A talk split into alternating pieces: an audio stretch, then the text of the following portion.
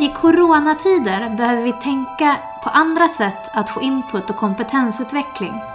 Jag ringde upp Katinka Wikingsen på Meet Ingrid för att prata om deras app Förskola 21 och hur den skapar möjligheter för digital kompetensutveckling. Välkommen till Förskolefundror med Erika Kyrk Seger.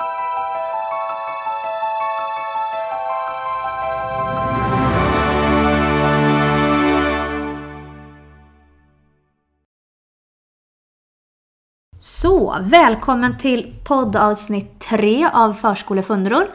Idag har jag snackat med Katinka Wikingsen som är eh, projektledare för Förskola 21. Hon jobbar på Meeting Grid och håller på med sluttampen av sin nya bok som kommer i, till hösten. Eh, som släpps av Lärarförlaget. Eh, en bok om lärmiljöer som jag i alla fall är himlans taggad för att läsa. Eh, jag ringde till Katinka för jag ville prata lite med henne om så här tankar som pågår nu i så här corona-time. Eh, det är lite dubbelt. Eh, vi har mycket i våra huvuden. Vi tänker mycket på det här med organisation generellt sett. Hur ska vi organisera dagen? Men vi har också till viss del lite mer tid över ibland på grund av att barnantalet är färre. Så hur använder vi den tiden? Så jag ville snacka lite med Katinka som har skapat den här appen Förskola 21 Eh, som du kan ladda ner på Google Play eller på App Store. Eh, och där finns det gratis kompetensutveckling i form av filmer. Men det är ett bra alternativ när man inte liksom eh, kan mötas eh, in real life eller att man kan gå på föreläsningar eller de konferenser som man hade tänkt eller sådär. Det är ett bra sätt att få input. Så jag ville köta lite med Katinka om det. Det som också är så spännande att när vi väl börjar köta Katinka och jag så kan vi hålla på evigheter. Så det här är ett ganska vindlande samtal som någonstans börjar i kompetensutveckling och går över till systematiskt kvalitetsarbete och massa saker. Så häng med på det här spännande samtalet.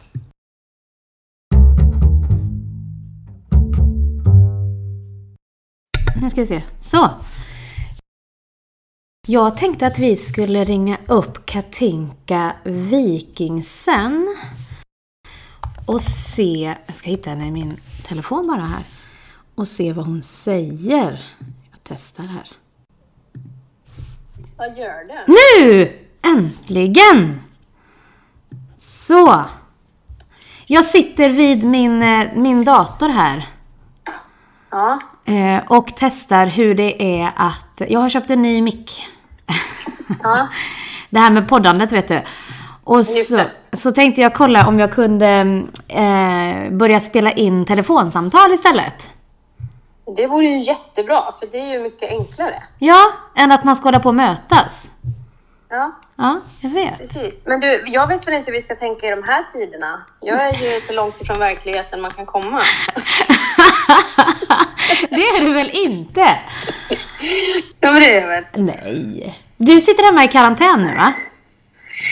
Nej, det, nej, det kan jag inte säga. Vi jobbar ju hemma. Ni jobbar hemma, just det. Ja. Så ni är ingen karantän, ni bara sitter hemma och jobbar liksom. Så. Ja, och sen SL, eh, Stockholmstrafiken, har ju gått ut med att man liksom inte ska åka om man inte har ett så här samhällsviktigt yrke. Det har man ju uppenbarligen inte. Och det vill man inte heller säga i en podd.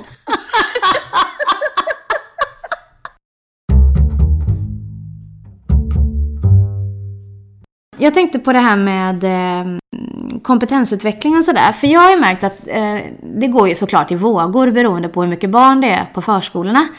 Men det är ju också Ja. så när det är lite färre barn så har man lite mer tid över. Eh, Ja. Och då har ju ni Förskola 21-appen. Som faktiskt Ja, är... Och den ligger på App Store så det är bara att ladda ner den. Ja, eller Google Play. Eller Google Play. Mm.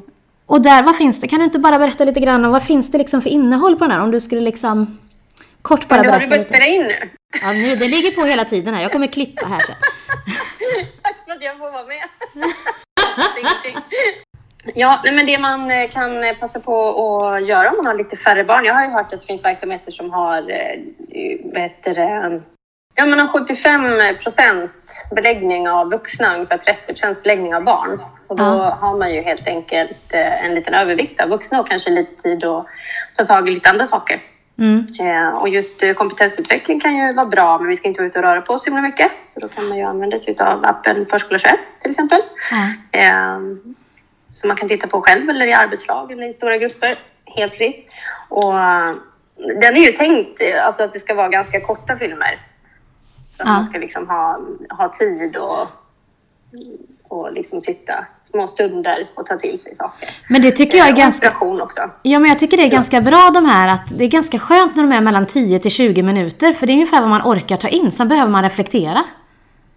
Ja, precis. Och sen formatet är lite också utifrån eh, att man ska kunna använda dem till exempel på ett APT som, som är liksom ganska eh, kort. Man har mycket man ska hinna med Ja. under en, en ganska kort tid. Och alltså, det gäller även så planeringsdagar och så allmänt.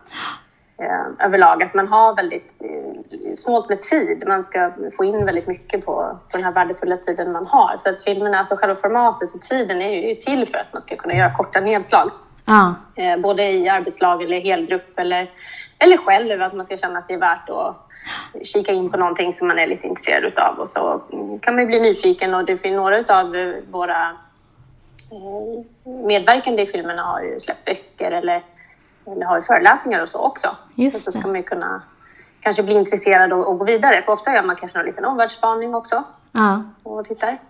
Men så s- kanske man vill veta mer. Ja, men sen är det väl också så att jag tänker det är ju lite grann, vi håller på i Gråbo nu med flippade möten.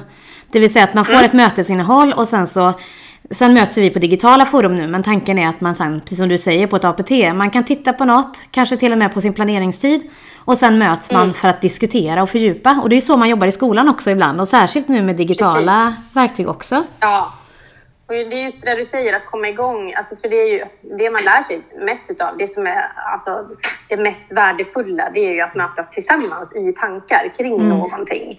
Eh, och då är ju en, en, en kort film som är ändå innehållsrik, det är ju en väldigt bra igångsättare. Ja. Så att man kan börja med att titta på det och man behöver ju faktiskt inte nödvändigtvis titta tillsammans. Man kan ju ha en uppgift att inför det här APT så ska alla titta på den här filmen som är en kvart lång så att alla liksom redan är rustade med att titta, Ja. ha tittat. Eh, och då, är ju, då kan man också förbereda eh, frågor. Vissa filmer har ju några frågor som är förberedda men det är mest exempel och förslag. Ja, Det viktiga är ju att man knyter frågor utifrån den egna verksamhetens behov av eh, viktiga områden att diskutera.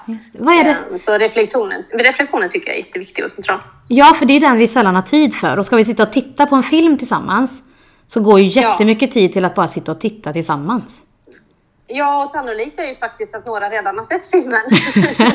I ett mycket kollegor. För det är ju många, även fast man kanske har arbetstelefoner eller arbets, eh, lärplattor, eh, så, och där man har appen, så, så ser ju vi att det är väldigt många som har appen privat. Ja. Eh, så man kanske faktiskt eh, själv har ett intresse av att förkovra sig. Eh, Det är många som läser liksom, för att man är engagerad i, i förskolan. Ja, just det. Helt enkelt och så. Och det är samma med filmerna då, att det är Ja. många som, tror jag, redan har tittat. Så om man samlar ett, ett gäng så finns det nog en ganska hög sannolikhet att en, stor del kanske Ja. redan har sett eh, filmerna. Eh, så så att det, det kan ju vara en bra idé att Ja, men- man förbereder. Ja, men sen tänker jag också det är bra, för nu när jag också haft de här flippade klassrummen, eller flippade mötena, jag är ju så bra på att prata snabbt. Eh, du kanske känner igen dig? Ja, känner igen ja, och då vet jag mina, mina pedagoger har sagt att det är så skönt för du låter så lugn Erika och man kan stanna och tänka på vad du säger. Ja, Så det är win-win. Det är det. Ja, och det, det är ju också någonting som var som är liksom själva idén bakom filmerna. Mm. Eh, det är ju att man ska kunna gå tillbaka. Att det inte är som en, eh, en föreläsning där det också kan vara några som missar ibland. Att Ja. man går på konferens eller att man har föreläsning i sitt eget sammanhang så, så är det ju alltid några som är sjuka eller som missar. Och då, det som sägs i ett rum, det, det sägs ju och sen försvinner ju det. Ja. Men de här korta filmerna ska ju också syfta till att det finns kvar. Så att man, ska, man kan ju också tänka att man eh, ser filmer under en period. Ja, Eh, och att man kan gå tillbaka och tänka själv. Och det är ju också så, eh, vet jag i samtal med rektorer och så, att det finns ju områden jag tänker framförallt de fem första filmerna som kom i en period där vi fortfarande diskuterar väldigt mycket kring undervisning. Jag tror att man gör det också i stor utsträckning idag. Men, men när de kom så var det, eh, var det fortfarande väldigt, väldigt aktuellt. Och, Ja. och, då, och då är det också det där att man själv som rektor kanske kan lite snabbt erövra ett område eller idéer eller tankar kring ett område för att kunna bygga reflektionsfrågor utan att behöva läsa en hel bok. Eller, ja. eh, att man liksom kan börja på ytan och sen gå ner. Och så Just kan man också välja att komplettera litteratur eller komplettera en hel föreläsning. För att jag tror att det kan ge mer om man har fått lite grann, en Ja. igångsättare. Och det är lättare att Eh, gå tillbaka också. För jag tänker, vi läser ju lyssnandets pedagogik nu. Och då Mm. upplevde våra pedagoger att vi liksom, vi läser och läser men vi hinner inte praktisera det. Ehm, och då Mm. har vi gjort så att vi har gått tillbaka och läst kapitlerna en gång till. Och jobbar Mm. med loggbok. Jag tänker det är samma sak med filmerna där. Att man kan liksom titta, och särskilt när de är så korta. Att man kan titta Ja. på en film och sen ett år senare faktiskt titta på den där filmen igen och se hur har mina tankar förändrats från när jag såg den filmen förra gången. Mm. För jag tänker om vi utvecklas så Absolut. gör vi kullerbyttor längs med vägen liksom någonstans. Mm.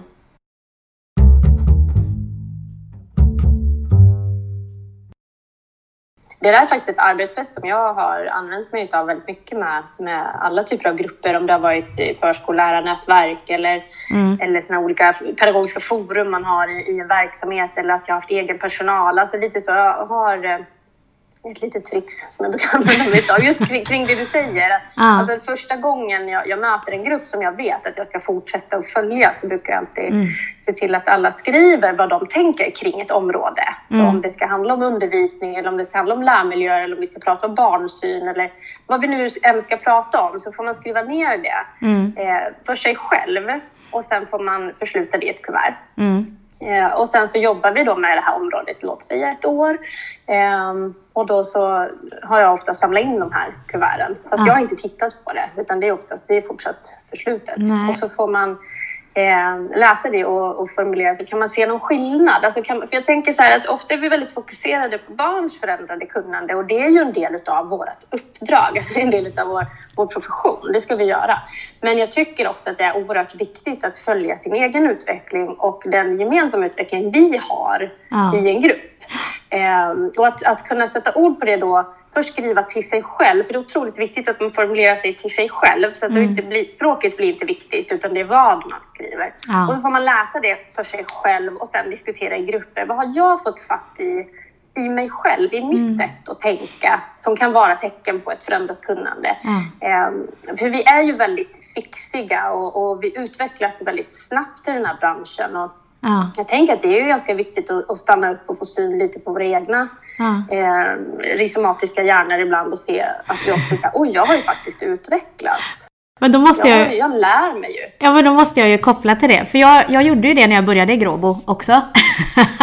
gjorde det här. Vad tänker jag kring förskolans roll och sådär. För jag tror vi pratade om det då. Eh, jag har hört det också fler. För det är väl också ett, en uppgift som jag tror många som har gått pedagogistutbildningen på Radioinstitutet får göra också. En sån här, hur förändras jag, hur Just det. tänker jag? Ja.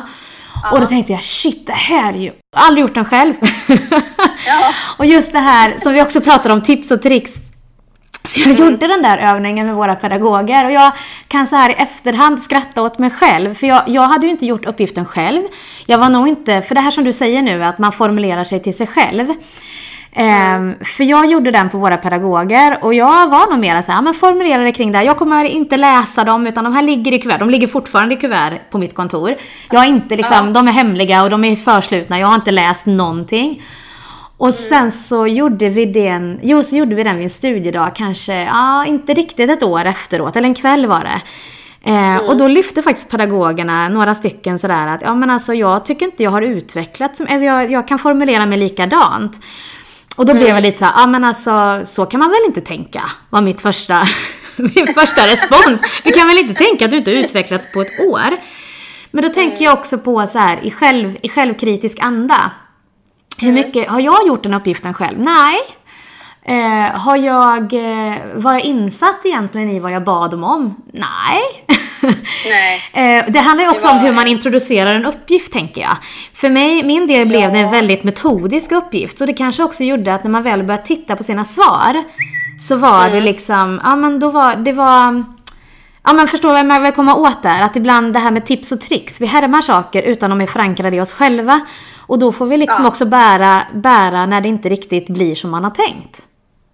Ja, Eller hur? Så är det ju. Jag tänk, jag, och jag, sen tänker jag också så här, att just det här med, med barnsyn, kunskapssyn, är svåra förskolans grejer, liksom. och funktion i samhället. Det är så stora saker. Ja. Så att när man ställer den frågan så tror inte jag kanske att ett år räcker. Nej, precis. Jag, det handlar ju så mycket om värden, alltså det handlar lite Ja. om etisk kompass, det handlar om, om ställningstaganden. Alltså någon Absolut. slags övergripande syn. Jag tror inte Ja. att, att våra barnsyn ändras i det långa loppet. Däremot så tror jag heller inte, och det här tycker jag är ganska intressant, att var och en av oss går omkring med en fast barnsyn som vi kan formulera i ett par meningar. Nej, nej. Eh, utan det, vi har också barnsyner som Alltså vi har uppsättningar av barnsyner som förändras också i, i våra olika situationer i livet. Ja. Så jag tänker, jag har nog en barnsyn när jag är med Ja. mina egna barn. Ja. Eh, så jag är verkligen inte alltid pedagog.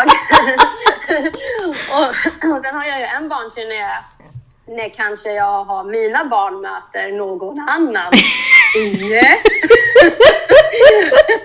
Då har man ju en barnsyn. Ja. Sen har jag en annan barnsyn när man sitter på en restaurang och bara är jättetrött och vill äta och så är det Ja. något barn i närheten som inte vill äta, som låter. Då kan man ha en annan barnsyn. Ja. Och så kan man ha en barnsyn när man har klivit in på en arbetsplats, förskola, där man har ett professionellt uppdrag och man har dragit på sig sin professionella overall. Ja. Då har man ju ytterligare, så jag tänker så att vi går ju omkring var och en med, Absolut. med liksom en uppsättning av barnsyner. Där Det vi ska fundera på just som uppdragsrelaterat är ju liksom korrelera min barnsyn med uppdragets barnsyn som vi faktiskt ska bära. Alltså jag tror faktiskt inte att den är i så stor förändring om vi inte blir utsatta för Nej. en riktigt Alltså om den på något sätt strider mot Ja. uppdraget från början. Att vi tycker synd om barn att de går i förskola helt, kanske till exempel. Och sen så får vi gå igenom någon slags process där vi börjar se Mm. Absolut. värdet av förskola för enskilda barn och för Absolut. vårt demokratiska samhälle. Ja. Då kanske den förändras. Det nog kanske har gått ett tag och jag har blivit utsatt för en massa Ja, eh, kritisk liksom, tankar till mig själv. absolut. Men jag tänker mer kanske på att det är användbart när vi, när vi ska närma oss eh, ja, men, mer konkreta saker. Ja. Som till exempel undervisning. När det, det var ju ett par år sedan när det var ganska okänt för oss allihopa. Mm. Det blev vi lite tagna på sängen där när Skolinspektionen Ja. gjorde sin granskning. Ja. Och liksom bara så här, ni håller inte på med undervisning, ni är jättedåliga. Det var väl ungefär det vi fick höra. Ja. Och alla bara, vadå undervisning? Ja men ni är ju en skolform. Jaha, ja just det. Så var det ju.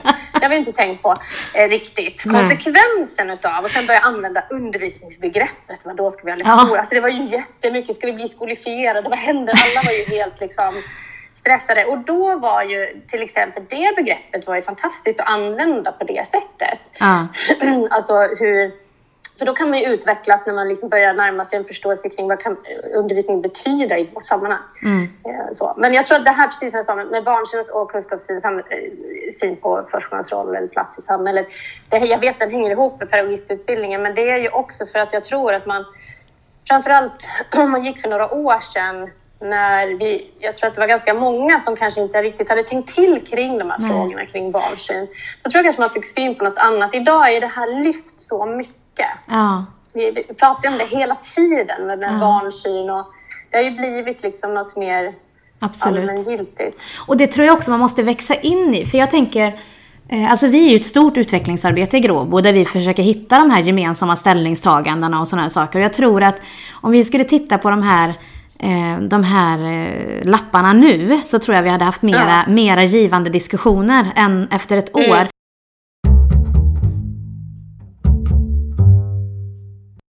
Det här med, med systematiskt kvalitetsarbete, för det är egentligen det det handlar om. Mm. Alltså det man gör när man gör en sån här text, oavsett vad och hur länge den ska användas, om det är något, antingen man ska försluta det eller... Det är inte alltid man behöver göra det, det beror Nej. lite på vad det, vad det, vad det handlar om och hur, Mm. hur känslig frågan kan vara. Mm. man vill ju inte att någon ska känna sig dum eller så. här. Men jag tänker att det hänger ju ihop med med liksom den här kvalitetsprocessen. Det är ju en, en kartläggning. Ja. Och det är det jag tycker är så viktigt att när vi pratar om kvalitetsarbete, så vad vi än ska gå in i, alltså om vi ska börja utveckla organisationen eller om vi ska börja utveckla vårt förhållningssätt, bemötande eller vår undervisning eller fysiska lärmiljöer så måste vi alltid fånga ett slags nu. Ja. En bild utav ett nu, eller man säger så här, fragment av ett nu som kan bli en beskrivning Ja. av ett nu. För att om vi sätter igång, jag tycker att det är så himla vanligt att man drar igång med till exempel då Mm. eh, handledning eller att man drar igång med med lärgrupper eller nätverk på Mm. olika sätt. Och sen så kör man liksom bara på. Ja. Och sen har man kanske parallella nätverk. Det, det, det är inte helt ovanligt i kommunen att man har ju något biblioteksnätverket eller språknätverket och sen har man småbarnsnätverket och så har man undervisningsnätverket och förskolanätverk och man har så himla mycket nätverk. Va? Ja. Eh, och de där liksom bara rullar på och grejen att alla de här kostar ju jättemycket tid. Ja. Tid är pengar. Tid är, det varenda sekund vi tar i tid tar vi för barnen. Mm. Och därför måste vi också kvalitetssäkra Mm. våra insatser. Så därför tänker jag att, att man, all, man måste också göra ett slags kvalitetshjul för Ja. alla insatser. För de ska ju också korrelera med de mål man har satt upp. Ja. Varför har vi det här nätverket? Ja. Vilket mål, alltså vilket, antingen att man har valt ut läroplansmål som är vid sidan av sina kommunala mål, men det är också att börja harva runt på sidan av saker. Alltså vi måste på något sätt centrera alla våra insatser och, och liksom koppla ihop det med våra övergripande mål. Så om undervisning är ett mål eller om digitalitet eller vad det nu kan vara är ett mål, då är det liksom, ska ju kanske nätverken kopplas ihop med det. Men du, Eh, du har då, inte... Då måste vi, då måste, Ah, förlåt, då måste vi se också att de har effekt. Det Ja. är dit jag vill. Eh, och vi kan aldrig veta om någonting har effekt om vi inte har gjort en nulägesbild Nej. innan vi sätter igång och sen Mm. att vi följer upp det. Men du har inte läst den här boken Professionsutveckling och kollegialt lärande av Kat Seindack?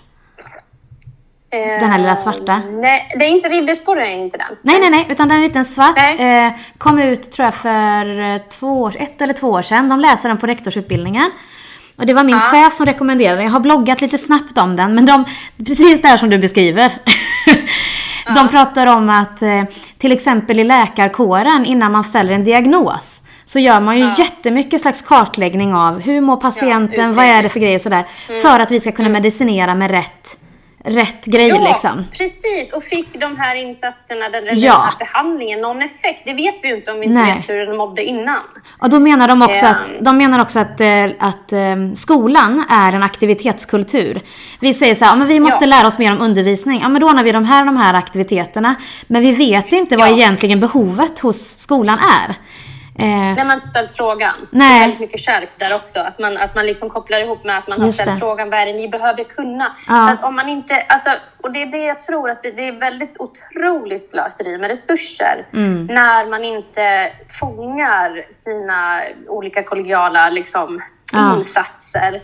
Eh, och sen tycker jag att det är ganska intressant att vi också har tänkt att nätverk, om vi tar just nätverk, belyser det lite extra. Så Många ser det som en sanning att om alla ingår i ett nätverk då blir allt bra, då kommer det utvecklas. Ja, Alla tror det, det är ju också, ja, och, och med det, då har vi ju bestämt Ja. att det finns ett sätt att lära sig på. Mm. Och är det någonting vi pratar väldigt mycket om i förskolan, men det är att, att, att människan då, eller då framförallt det Mm. lilla barnet, kanske vi fokuserar väldigt mycket på, eh, har ett sätt att lära sig på. Det säger vi ju inte. Vi Nej. säger att det finns massor med olika sätt att lära sig på. Men vi vuxna, vi har bara en sociokulturell ingång. Vi jobbar bara med nätverk. Förstår du vad jag menar nu? Ja, absolut. Så jag tänker så här att alla passar faktiskt inte in i nätverksformen. Det är inte alla som tycker att det är givande Nej. utav pedagoger. Utan det finns jättemånga eh, pedagoger som, som tycker att de lär sig mycket mer Mm. om de får läsa en bok själva, eh, fördjupa sig i den, kanske diskutera den med en, två personer. Mm. De har inte alls något utbyte av nätverk. Det Nej. finns många som tycker att det, att, det är liksom, att det är på för låg nivå att, eh, och några andra tycker att det är en alldeles för hög nivå, jag hänger inte med. Eh, så. Och det där är ju en konst. Så att jag tänker så här, att vi ska inte tänka att nätverk per automatik är en sanning. Vi kanske också måste ställa frågan. Mm. Att erbjuda. För ibland trycker vi in människor i nätverk och att det är liksom är något slags obligatoriskt. Ja. Eller, någon, Eh, eller någon får bara ta en roll liksom in i ett nätverk. Ja men vi har ingen som har med i språknätverket, då får du ta det. Precis. Och så kan man kanske inte ens liksom har eh, någon samtalsmetodik Nej. bakom sig så att man vet hur man får människor att eh, liksom prata eller hur man faktiskt leder samtal. För att det är ju otroligt viktigt att kunna lite om samtalsledning och samtalsstrukturer om man ska leda nätverk så Ja. att alla liksom kommer till sin rätt. För Det där med nätverk, det tycker jag man kan kritiskt granska från Ja. flera olika håll.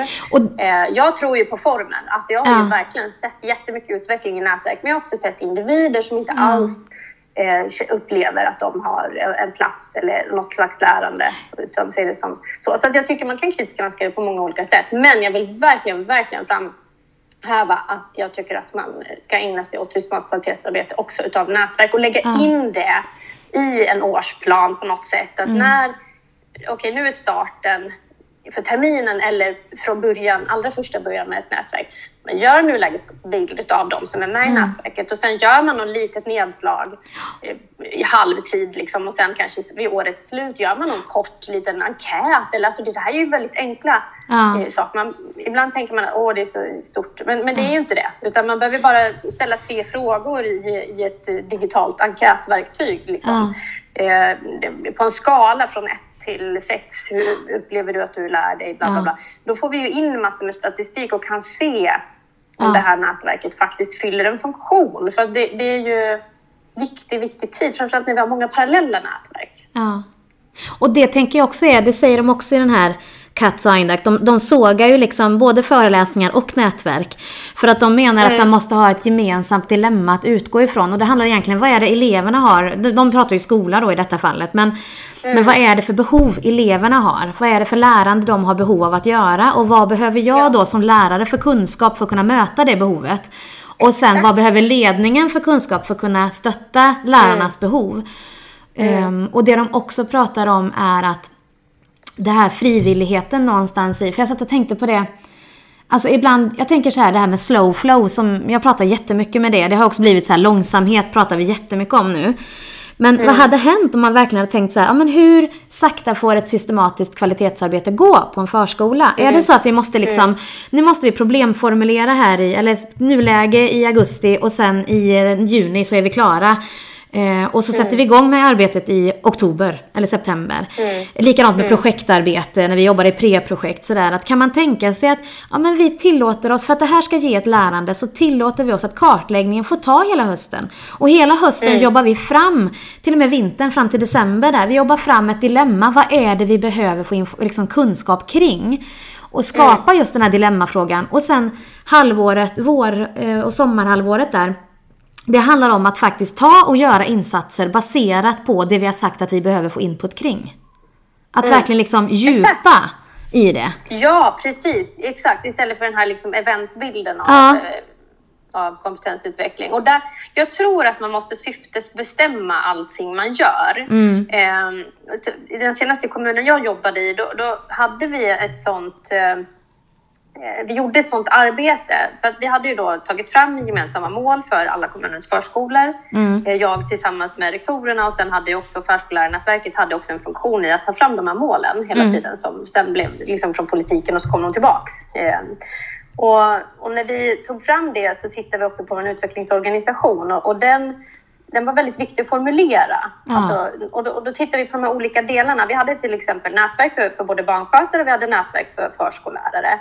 Sen hade vi också en utvecklingsgrupp som bestod av mig och rektorerna och sen så hade vi olika då insatser under året och då valde vi till exempel föreläsningsformen en gång på våren, en gång på hösten, på några kvällar och sen hade vi till exempel någonting som vi kallade för medligt när vi fokuserade på interna föreläsningar. Ja. Och i varje sån här del så gjorde vi en beskrivning. Vad är syftet?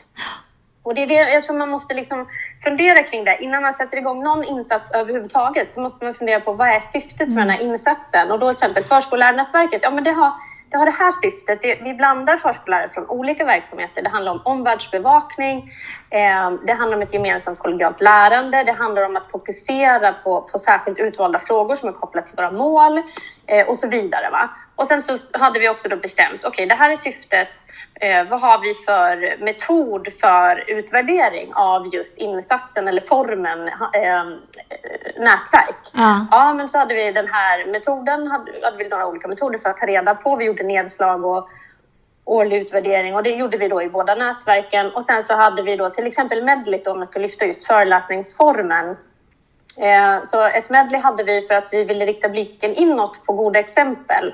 Man vet ju det, i förändringsledning så är det ju ett knep att lyfta fram det som är, har eh, alltså goda effekter, alltså goda, vad heter det? Goda exempel Bra, typ eller? Ja, tack. Ja. alltså, om, man, om man lyfter fram sina goda exempel, vad man än jobbar med.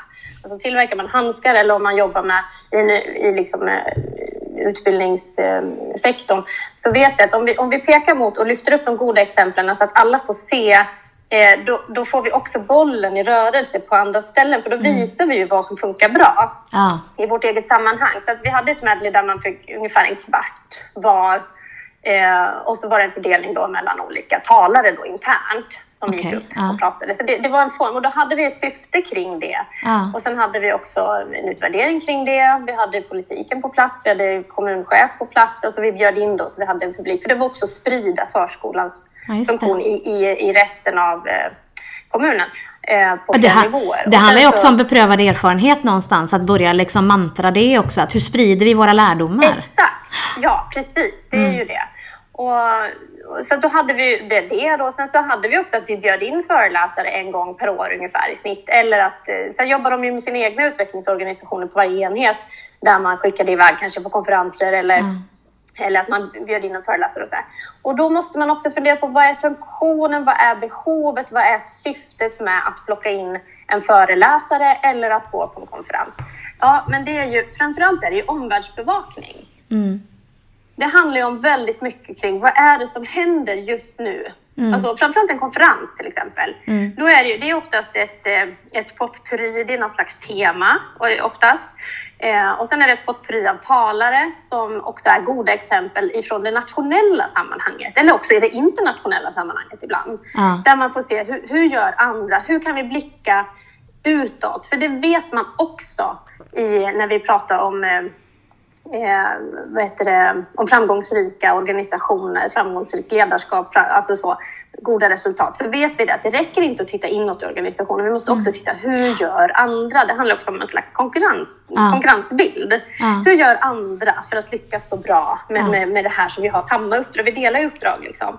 Så att man måste fundera på vad är syftet med att gå på en konferens? Vi, alltså jag var ju föreläsare en gång i ett sammanhang på en förskola där det, det hette förskolechef då, som förskolechefen sa till sin personal precis innan jag skulle gå upp och, och börja prata så, så sa den här förskolechefen att nu ska Katinka berätta om pedagogisk dokumentation och efter idag då förväntar jag mig att alla kan det här. Oj! Och då hög ribba. Då har man ett annat syfte. alltså i, i, ett sånt, ja, men i ett sånt läge måste man ju liksom fundera på vad är det man tror att en föreläsning ska ge? Ja. Det är ju ofta en igångsättare. Det kan också handla mm. om att skapa och knyta kontakter. Det tycker jag man ska mm. bli bättre på när man lyssnar på föreläsare. Jag tycker att man ska prata med föreläsaren. Om mm. du nu blev inspirerad och vill veta mer om hur den här personen eh, jobbar eller har gjort eller hur den tänker. Prata med personen efteråt. Det är ett fantastiskt läge att knyta kontakt. Ja. Och som föreläsare eh. vill man det också för man vill veta hur ja. det jag sa landade hos dem. Ja. För alla landar ju med sin egen förståelse och tolkning. Ja, men precis. Så jag tänker så att man, man ska vara otroligt klar över vad det är man får. Och jag ser föreläsningar, konferenser, de har ju verkligen en jätteviktig funktion, men man måste ju mm. veta vilken är funktionen. Ja. För det, man blir ju inte färdigutbildad för att man går på en föreläsning Nej. om någonting, om undervisning eller en konferens om systematiskt kvalitetsarbete. Så kommer man inte därifrån och liksom är så färdigpaketerad. Nej. Utan eh, man har fått flera bilder av, man har fått en uppfattning av okej, okay, jag har nog fattat det här. Ja. Så att den här personen som på något sätt verkar kunnig i det här eller, eller har, har lång erfarenhet säger ju, har ju bekräftat mig här nu att jag är mm. på rätt spår. Det är väldigt många som använder föreläsningar som en slags spegling mm. eh, av sitt eget arbete. Så jag tycker att det finns ett stort värde, men man kan inte tro att någon blir färdigutbildad genom att gå på Nej. en konferens kring något ämne överhuvudtaget. Eller, Nej, och det är också sen, tänker jag, hur man, hur man tar hand om det efteråt. För jag vet att vi pratade jättemycket om det när jag jobbade just i barngrupp som förskollärare. När en person åkte iväg på en fortbildning till exempel. Och så blir det så här, mm. ja men den personen åkte iväg och kom tillbaka jätteupplyft men det fanns liksom inget riktigt forum för att dela eller jobba med det som den här personen hade åkt iväg och, och fått lära sig. Det handlar inte om att den personen ska kunna, jag tänker när man åker på mässor eller konferenser, så handlar det inte om att den personen ska kunna leverera hela konferensprogrammet när man kommer hem. Men kanske lyfta Nej. ur, de här delarna har jag tänkt lite extra kring kopplat till vår verksamhet. Det här skulle vi kunna lära mer av eller läsa på mer om. Jag fick med mig några verktyg. Ja, men ofta så precis. Mm. släpper man ju det och så stannar den här kompetensen hos den här personen. Och så blir Ja, det med nät... det. Ja men så är det med nätverk också tänker jag det här att man... jag menar vi har pratat om De det. nätverket. Ja för hur är det så att, ja men jag, den här, vi släpper en person från vårt arbetslag som går på ett möte och den här pedagogen kommer tillbaka och säger ja men det var så himlans bra möte. Men kan Mm. inte förmedla vad det är man har tagit med som varit så bra. Och sen så är det Nej. som att, och då blir de här nätverken Nätverken blir liksom, och, det, och så är det ju, de är ju små unika sammanhang som sker i just det här läget med de här personerna. Mm. Men om det ska generera till en utveckling av verksamheten så måste det ju någonstans, som du säger, speglas i vad händer i vårt arbetslag? Va- Varför blev det här bra? Varför, vilken skillnad gjorde det här nätverket för vår, alltså kopplat till vårt, vårt utvecklingsarbete eller sådär. Och det är väl där någonstans det saknas en liten nyckelring mellan de här grejerna, Ja, ibland aktiviteterna gör det ut så. det och ibland gör det ju inte det. För det beror ju på hur man formulerar själva syftet. Ja, För om man tänker sig på en, en lärande process så handlar det om att, om vi säger att det är ett nytt område för en person, så är det så här, men nu närmar jag mig det här Mm. området. Alltså om man tittar på en progression i det. Mm. Alltså okej, nummer ett är att närma sig någonting. Nummer två är att få någon slags förståelse och börja lära sig att fördjupa det. Att det på något sätt landar, att jag kan koppla ihop det till mina egna erfarenheter, till min bild av någonting, till kanske det jag gör. Mm. Men sen nästa, om vi ska då hoppa iväg ett, ett steg lite framåt, det är att kunna berätta det för någon annan. Det är ju en otroligt avancerad Absolut. del, Att kunna återberätta när man fortfarande är i en process. Förstår du hur Ja, jag menar? Så ja. ibland kan man också tänka, tänker jag, att man ställer lite för stora krav på Ja, någon ja, som har absolut. blivit utsatt för kunskapsinhämtning, om du förstår vad jag menar. För Ja. det är ju en slags progression att kunna återberätta eller, eller att kunna koppla ihop det jag nu har, har insett till mitt. Det tar ju ett litet tag. Va? Fast då tänker jag också Eh, vilka krav, vilka krav man har på personen. För är det okej att säga så här, jag är just nu i den här bubblan, jag försöker jag försöker förstå. För det är också så här att, Ja. att man ska komma färdigformulerad. Eller att jag, och jag, tror, jag, menar, jag tror inte att det är det du menar. Men just det här med att, för det är ju bara som du säger, att en hjärnverksamhet att formulera någonstans det jag försöker förstå. Det är ju därför när jag Ja. bloggar, så mina blogginlägg blir helt veliga. För jag är inte färdig i mitt Ja, huvud. men, man, och då Men tänker ändå. jag så här, måste man landa då? Ja. Alltså, kring- grejen är så här, kring vissa saker kan man ju inte landa. För att Nej. det är så situationsberoende. Så jag tänker lite så här att det är återigen syftet. Vad är syftet? Ja. Ja, men det kan ju vara så här att man skickar iväg någon på en, en härlig konferens. Mm. Och det kan ju finnas ett annat syfte än bara att lära sig saker. Det kan vara så här, jag vill att du ska få chansen att nätverka eller möta andra eller bli Mm. upplyft. Eller jag vill att du ska vara kvar i min verksamhet och känner att jag bryr mig om dig och att här kan du få något litet extra och du, och du är glad för att du har fått gå på en härlig dag. Det Absolut. finns inga motkrav på att återberätta något utan jag vill helt enkelt, jag har en idé om kompetensförsörjning. Ja. För jag vill vara en attraktiv arbetsgivare där man får göra det lilla extra. Man får gå Ja. och äta en sittande lunch på en konferens. Ja. eh, och liksom möta andra och bara prata och bara vila i, i, i lite nya Mm. kunskaper. Bara, det kanske bara inte, kanske inte ens andra kunskaper. Det kanske är ren inspiration. Så jag tänker återigen att. Det det, handlar om syftet. Ja. Och det, det handlar om vad är rektorns syfte. Om man bjuder in en föreläsare till ett helt sammanhang där alla får vara med och ta, och ta del av någonting. Mm. Då är ju efterarbetet otroligt viktigt. Mm. För då måste vi sätta oss i relation till det vi nu har hört. Mm. Så då bör man ju ha en plan för hur går vi vidare. Om det inte bara var en ren inspirationsföreläsning, någon som berättar om Mm. så här går det till med förändring och så blir man lite upplyft och så får man lite förståelse. Det kanske vi inte behöver jobba med så mycket. Eh, Det beror ju på vad man har för avsikter. Eh, Men om vi ska lära oss om undervisning, vad kan det vara? Vi bjuder in någon eller någon som pratar om fysiska lärmiljöer. Eh, då kan jag ju tycka att det är jätteviktigt att, att, att plocka upp lite trådar och där är det viktigt också i en beställning av en rektor till exempel som beställer en föreläsare. Mm.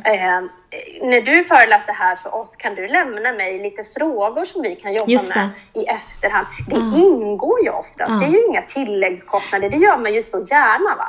Ehm, Så att jag tänker att då har man ju verkligen reflekterat och tagit ansvar över processen framåt. Och man kan också använda föreläsarens kunskaper för att formulera ett reflektionspaket, om du förstår vad jag menar. Absolut. Ehm, Så att jag tänker återigen, syftet. Vad är syftet? Men- Och det finns olika syften. Också på det här med, jag tänker också lite grann att man kanske blandar ihop effektiviteten med syftet. Vi kör de här Mm. insatserna och då ska det generera det här. Jag har redan en förväntan där jag inte använder egentligen insatserna för syftet. Utan ja, men vi Mm. sätter pedagogen i de här nätverken, vi gör de här föreläsningarna och då tänker jag att då ska de vara där i juni. Men då måste jag ju Mm. återkoppla också, för jag tänker då blir det en effektivitetstanke också som stör liksom lärandet. Ja. Men, men det jag måste fråga om också med syftet. När du har haft de här nätverken, för du trycker på det här med syfte. Hur liksom, hur har du, för jag, jag kan tänka om jag kopplar till mig själv nu då, för det måste jag ju göra. Så kan jag ibland uppleva att vi har ett klart syfte, vi tycker att vi har tydliggjort det. Men om vi inte lyfter syftet varje gång så faller syftet. Jag tänker, har du lyft det när du har haft dina nätverk? Lyft syftet. Syftet med det här, just det här nätverket är det här och det här varje gång. För om man lyfter i första mötet så tycker Varje- jag Ja, förlåt. Ja, nej, men det känns som att man, om man inte lyfter det vid varje tillfälle så tappas det någonstans. Om man, inte, man behöver vara tydlig med det i organisationen hela tiden. Att man kan inte göra Ja. det initialt liksom. Och sen så tror man att alla ska äga det resten av året. Nej, och det Hänger kommer ju med? nya medlemmar oftast. Ja. Så att jag tänker att alltid när det kommer någon ny så måste man ju gå igenom det. Och sen så absolut, man, man behöver göra nedslag i det. Det beror ju också på hur ofta man har nätverk. Ja. Eh, är, det, är det vanligt förekommande, alltså pratar vi en typ en gång i månaden, nu tror jag att det är ganska ovanligt, men eh, alltså, man, kanske två, tre gånger per termin är, Mm. är ju ganska vanligt. Mm. Eh, och jag tror att i början av nätverket och kanske det sista innan terminen är slut, då tror jag att det är bra att återgå till syftet för att det sista innan terminen är slut, oavsett om det bara är tre stycken, så händer det ju ganska mycket. Ja. Eh, och, och då tänker jag att man gör en uppföljning. Liksom, där man går tillbaks till syftet. Håller vi oss till tråden? Eller, och sen är det också viktigt att tänka så här, ja, men vi var inne i den här frågan från början. Ja. Men nu har liksom det här hänt. För att ofta är det ju saker som är... Till exempel när vi klev in i undervisning från början och skulle börja liksom krafsa och fundera på vad, vad är det, vad kan det vara för någonting? Då började vi ju där någonstans och så ägnade vi de första tillfällena till det. Sen hände det någonting i förskollärarnätverket. Vi blev ju väldigt upptagna av förskollärarens roll och Ja. ansvar eh, kontra arbetslaget och sådär. Va? Och då hade, fanns en plan för hela året. Det här ska vi jobba med på ett ungefär, alltså någon slags övergripande plan för varje tillfälle. Men det behövde, när vi gjorde då en uppföljning, behövde det revideras Ja, eftersom precis. att vi behövde också lägga tid till att fundera på, på roller och ansvar. Och, och då blev det faktiskt eh, till och med så att, vi, att målen för kommande eh, målperiod kom att handla om just ansvaret. Ja. Eh, ja, för det är också viktigt att gå till tillbaka. målen. Ja, för det är viktigt att gå tillbaka och revidera. För precis som vi pratade om att barnsyn, alltså allt vi, vi är ju lärande människor som förändras kontinuerligt hela tiden. Och då behöver vi också se tillbaka, är det det här vi egentligen pratar om? För vi, vi, jag kan också koppla till eh, vårt tema som vi har i Gråbo förskolor. Vi har ju det berättande barnet. Och det växte ju fram genom att pedagogerna uttryckte i sina kvalitetsuppföljningar i juni då, förra året att vi vill lära oss att lyssna mer på barnen. Vi vill ha in ta- barnens tankar mycket mer. Och då formade vi en metanivå till det här temat kopplat just till hur får barnens tankar vara det som vägleder oss i arbetet? Hur är det barnens intresse som, som styr våran undervisning och liksom någonstans eh, eller som formar våran undervisning som ingångar och så. Och då var det så spännande, så hade vi Ann Åberg här i januari och så hade hon lite handledning med våran ledningsgrupp. Och så sa hon så här, eh, ja men det är ett ganska svårt eh, tema. Barns, barns Ja. berättande i relation till vad? Eh, och då blir det så här, ja just det ja. det kanske Ja. blev för luddigt. för det handlar ju inte om barn, barns sagoberättande utan det handlar om vad uttrycker barnen på olika sätt genom sina handlingar och ord och det de gör. Så vi, måste, vi har ju tagit till oss det, så vi ska jobba med vår ledningsgrupp nu lite grann. Vad behöver vi sätta barns berättande i relation till, till hösten? Alltså, vad är syftet med det här temat egentligen? Ja, men vi vill absolut. Metanivån är att få barnens röster mera talande, men, men, men till vad? För det är också någonting, med syftet måste ju vara relation till någonting. Hänger du med Ja, på vad jag precis. menar? Ja, jag hänger med. Ja. Och det där handlar ju om en progression i lärandet. Ja. Och ibland kan vi behöva en extern blick Ja, för att komma vidare. Och det är därför då kommer man ju till, ytterligare en dimension i kompetensutveckling som är handledning. mm, och som då jag kan tänka att Ann, fick, eller Ann Åberg då fick funktionen där Mm. för er i, i en slags handledningssession. Ja. Och jag tänker att handledning är otroligt viktigt ibland när vi... Vi blir ju hemmablinda även i en organisation. mm, eh, kring frågeställningar och, och, kring, och då är det så härligt när det kan komma någon utifrån och utmana lite och dra runt mm. lite i det där och att vi kan tillåta oss att, att liksom ja. utvecklas även i de tankarna. För det är det jag tänker att handledning verkligen syftar till, oavsett om det är på lokal nivå, att det kommer ut en specialpedagog och handleder ett arbetslag eller att det kommer en extern eller intern som handleder om lärmiljöer eller vad det nu kan vara. Mm. Så är den där blicken lite utifrån helt ovärderlig. Eh, för att vi, vi hamnar i, i våra egna tankebanor. Liksom. Och det går, väl an, det går väl ihop också, tänker jag, med det här som du pratar med, med föreläsningar, omvärldsspaningen. Att vi tittar både inåt och utåt. Och då är exakt, det en utifrån person exakt. som kommer in även i handledningen någonstans. Ja, också. ja precis. Och handledning är ju jätteviktigt. Och handledning är ju ett väldigt bra, om man ska liksom tänka kring att vi har, vi har barn i behov av särskilt stöd. Vi lägger inga värderingar kring det, utan mm. det är ett faktum eh, att vi har det. Men vi har också pedagoger eller arbetslag i behov av särskilt stöd. Mm. Eh, och det kan man ju säga lite skämtsamt, men jag är faktiskt fullt allvarlig när jag säger det. För det handlar om att, att det finns ibland eh, särskilda delar man behöver en extra skjuts i eller en extra förståelse kring eller extra kunskaper, en injektion liksom kring. Mm. Att handledning tycker jag är väldigt bra Eh, när man liksom behöver få lite styrfart någonstans, där vi liksom mm. inte kommer till rätta med det själva. Alltså vår verktygslåda har tagit slut, ah. eh, i, i till exempel en ledning eller, eller så, då är ju handledning ett, ett, ett otroligt effektivt sätt att arbeta. Ah. Och, och, och, där kan man ju tänka det här med rättvisa, liksom så här, ja men alla kanske inte behöver handledning. Nej. Utan det kan vara vissa arbetslag som är sugna på handledning eller mm. som faktiskt är i behov av handledning för att ja. komma vidare kring vissa frågor eller arbetssätt eller rutiner eller ja. sätt att tänka eller vad det nu kan vara. Så, och då, då kan, jag tycker att handledning är, är väldigt mm. kraftfullt och också ofta väldigt effektiv insats. Ja. Eh, och handledning är också väldigt, väldigt brett begrepp också. För jag tänker att ja. det här med för handledning av de här arbetslagen som är särskilt behov som du pratar om. Det kanske är också mm. arbetslag där man har fått, som utifrån min roll som pedagogisk samordnare, att man har, alltså för uppdraget i handledning kan ju variera från ett, ett, ett arbetslag som kanske egentligen inte önskar handledning, men som kanske egentligen faktiskt utifrån en blick ser att ni skulle kunna utvecklas om ni fick lite stöd i de här ganska konkreta exemplen. Ja.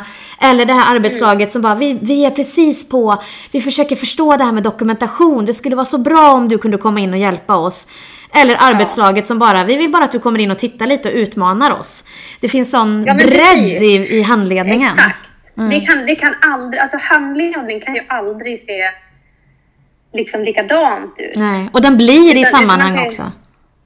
Ja, men det, precis, den blir ju det, för det handlar ju mm. väldigt mycket om relationer mm. eh, i det. Alltså så, så jag tänker att jag har ju handlat väldigt mycket kring, kring fysiska lärmiljöer mm. och, och, det ser ju otroligt olika ut. Och vi brukar börja med en lärmiljöpromenad där vi liksom både tittar och tänker och man kan utmana lite. Det beror lite, lite på. Ibland kan man utmana väldigt hårt och, för att det finns en sån relation emellan. Eh, jag har ett eh, handledningstillfälle som jag beskriver i, i boken jag skriver eh, just nu som, som är ganska säga, brutal faktiskt. Men, eh, där, där vi diskuterar en docka eh, i en verksamhet tillsammans under en sån handledningspromenad när vi går och tittar igenom lärmiljöerna. Mm. När, när, det, när det faktiskt slutar med att jag släpper dockan på golvet och, och säger att så här låg kvalitetsnivå har den här dockan och det hänger ihop med massa olika aspekter. Oj!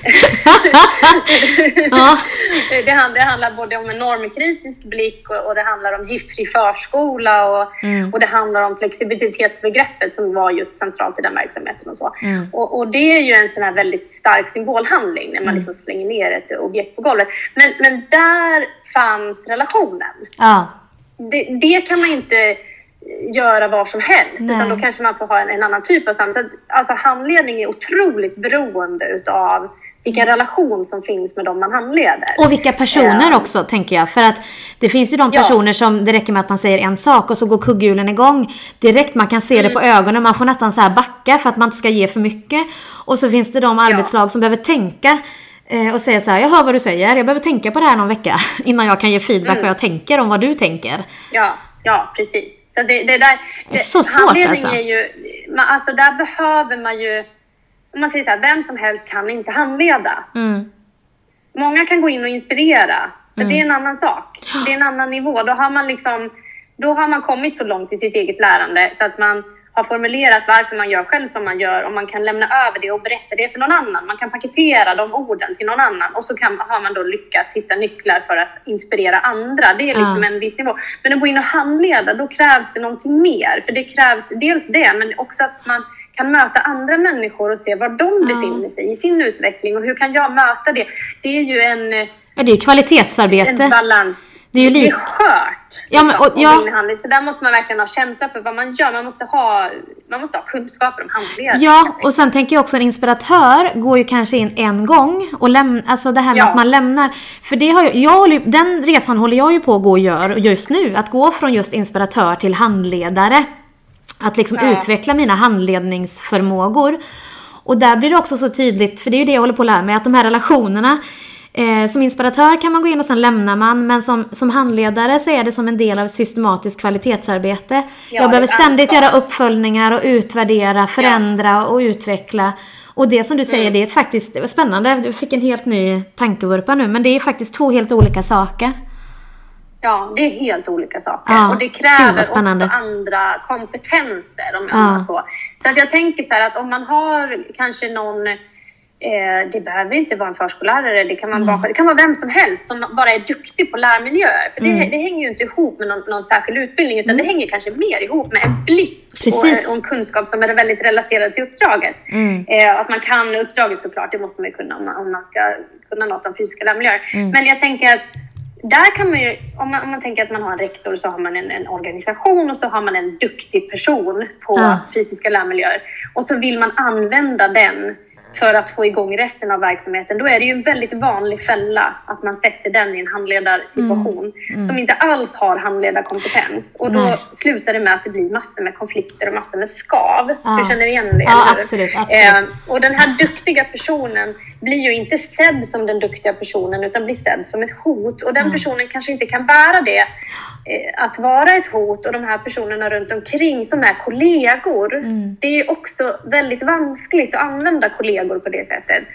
Då, då blir det också väldigt hotfullt och det blir helt onödiga konflikter för det handlar ju egentligen bara om en önskan, en innerlig önskan att sprida kompetenser. Ja. Men då tror jag att där behöver man nog vara lite mer noggrann med hur man formulerar ett sådant uppdrag. Att det kanske inte alls ska handla om handledning utan det ska handla om precis det du säger. Ja. Att nu har vi en lärmiljöinspiratör i Mm. vår organisation som gärna kan gå in och inspirera er lite grann. Ja. Ehm, och det är ju känsligt bara det med tanke på hur mycket jantelag Ja. det kan finnas. Vi har ju olika liksom, variationer av nivåer av, av jantelag liksom, i Ja. verksamhet. Så att bara det är ju skört. Men ska man gå in och handleda då, då måste man få möjlighet att utveckla handledande kompetens. Och det Men, är men det är väl att också man det här... inte gör ett misstag där. Nej, men det är väl också det här med syftet. Syftet med att den här personen kommer ut är Ja, inte att handleda precis. utan att inspirera.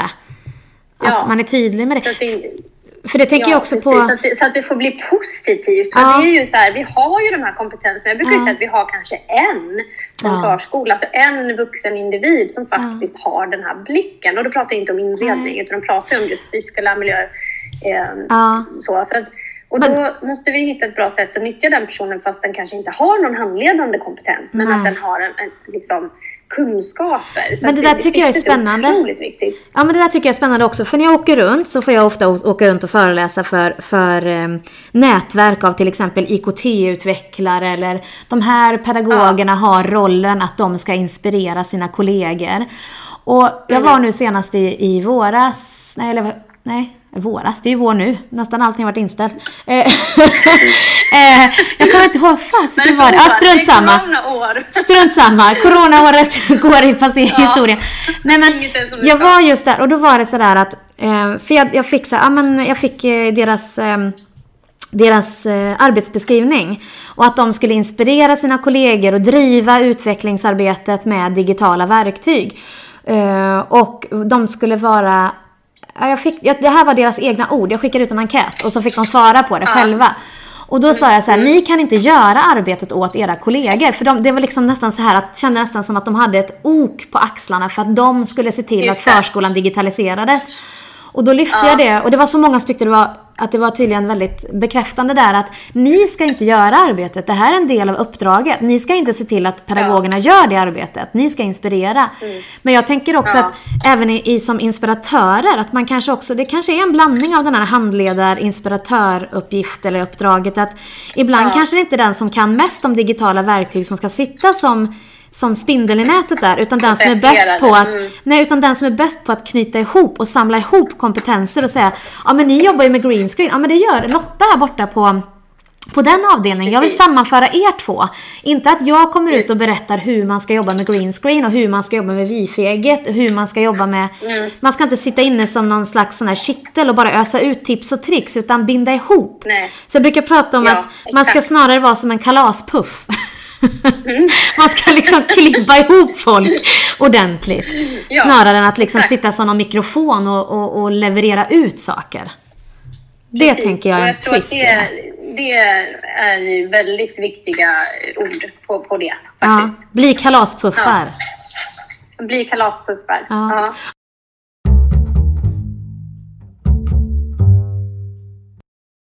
Eh, vi går emot vår egen tanke där om korta inlägg här nu, för nu har vi pratat på ganska rejält. Från corona till systematiskt kvalitetsarbete, till nätverk, till utbildning, handledning. Shit.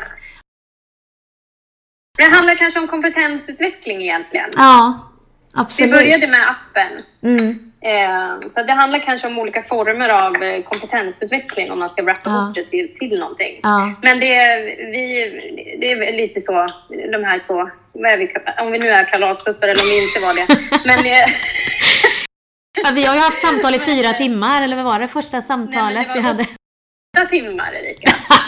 inte åtta! Jo, det var åtta timmar. Nej! Vi satt på ett café i åtta timmar. Ja, ja, ja, ja, du tänker då. Ja. Ja. ja, det var den gången. En annan gång var det väl fyra timmar.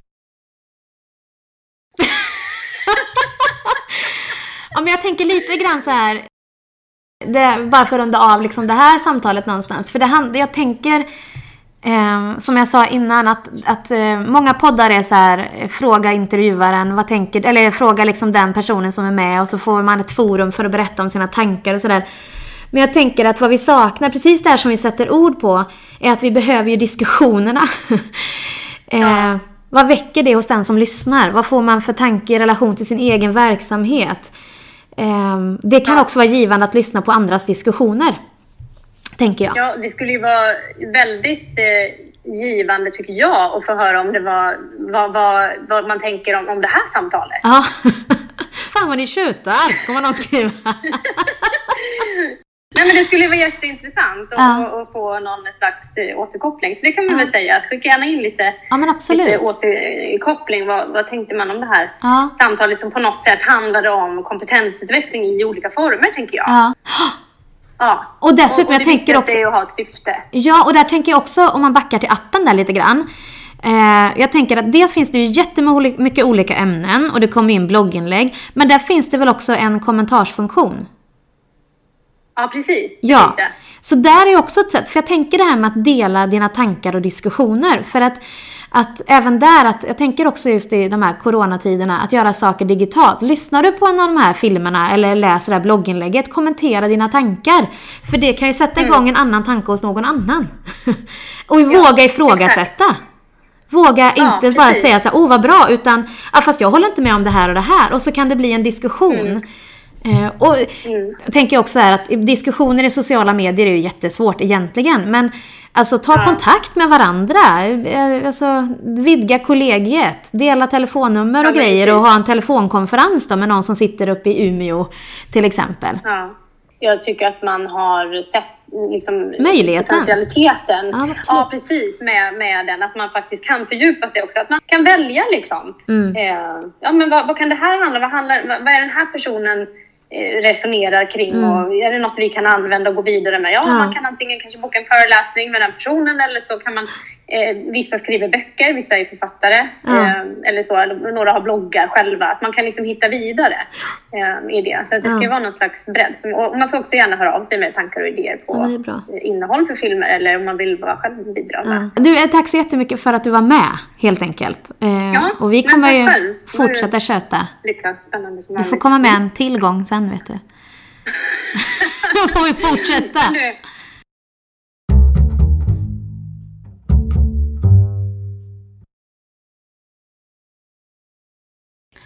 Ja, som sagt, Katinka och jag kan hålla på i timmar och ni hörde att tanken var att vi skulle prata om det här med digital kompetensutveckling men vi vindlade iväg. Jag glömde säga det i inledningen också att Katinka Wikingsen har tänkt mycket på det här med kvalitetsarbete. Så jag tar med mig många tankar som jag, som jag funderar på.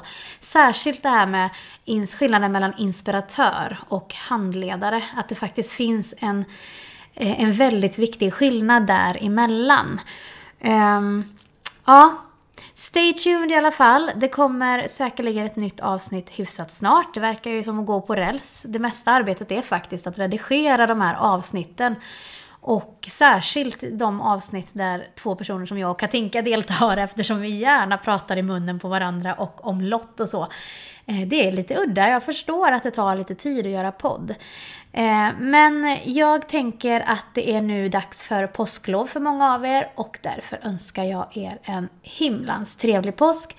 Ta det lugnt där ute återigen och på återseende inom kort. Hej då!